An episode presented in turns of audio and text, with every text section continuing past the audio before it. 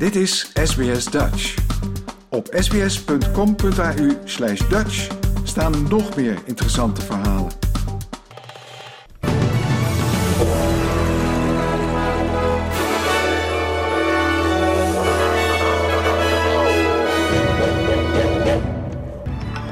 Dit is de SBS Nieuwsflits van woensdag 5 juli. Mijn naam is Paulien Roesink.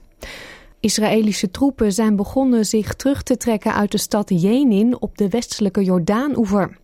De afgelopen dagen vond daar een grootschalige militaire operatie plaats, waarbij 12 Palestijnen werden gedood en nog eens 100 mensen gewond raakten.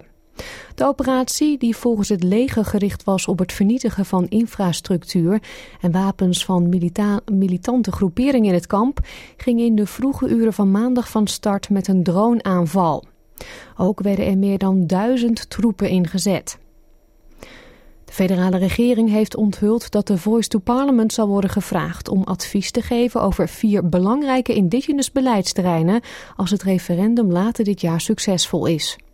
Minister van Indigenous Australians Linda Burney spreekt later vandaag in de National Press Club in Canberra en zal naar verwachting bekendmaken dat zaken op het gebied van gezondheid, onderwijs, banen en huisvesting prioriteit zullen hebben.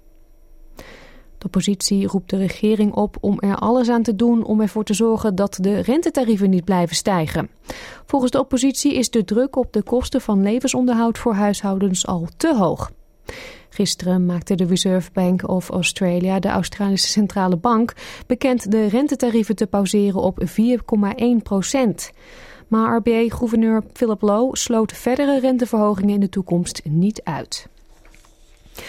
Een schutter in een kogelvrij vest heeft het vuur geopend in de straten van Philadelphia, zo zegt de plaatselijke politie. Vier mensen zijn gedood en twee jongens raakten gewond voordat de man zich overgaf. In verschillende delen van de stad zijn tientallen gebruikte patroonhulzen gevonden. De Amerikaanse president Joe Biden heeft opnieuw een oproep gedaan om de wapenwet te herzien. In Parijs zijn de burgemeesters van 220 Franse steden in het hele land bijeengekomen om te praten over de recente geweldsuitbarsting nadat een 17-jarige jongen in Nanterre tijdens een verkeerscontrole werd doodgeschoten door een politieagent. De bijeenkomst werd gehouden één dag nadat menigte zich hadden verzameld bij gemeentehuizen in heel Frankrijk om solidariteit te tonen met lokale overheden die het doelwit waren van zes nachten van geweld. En de 31 NAVO-landen hebben gezamenlijk besloten dat Jens Stoltenberg nog een jaar aanblijft als secretaris-generaal. Stoltenberg, die eerder de premier van Noorwegen was, bekleedt de functie al sinds 2014. En tot zover deze nieuwsflits. Volg de SBS Dutch podcast voor meer nieuws en achtergronden of bezoek onze website www.sbs.com.au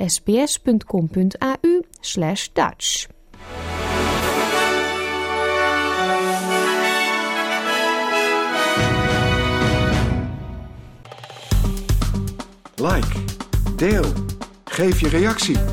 Volg SBS Dutch op Facebook.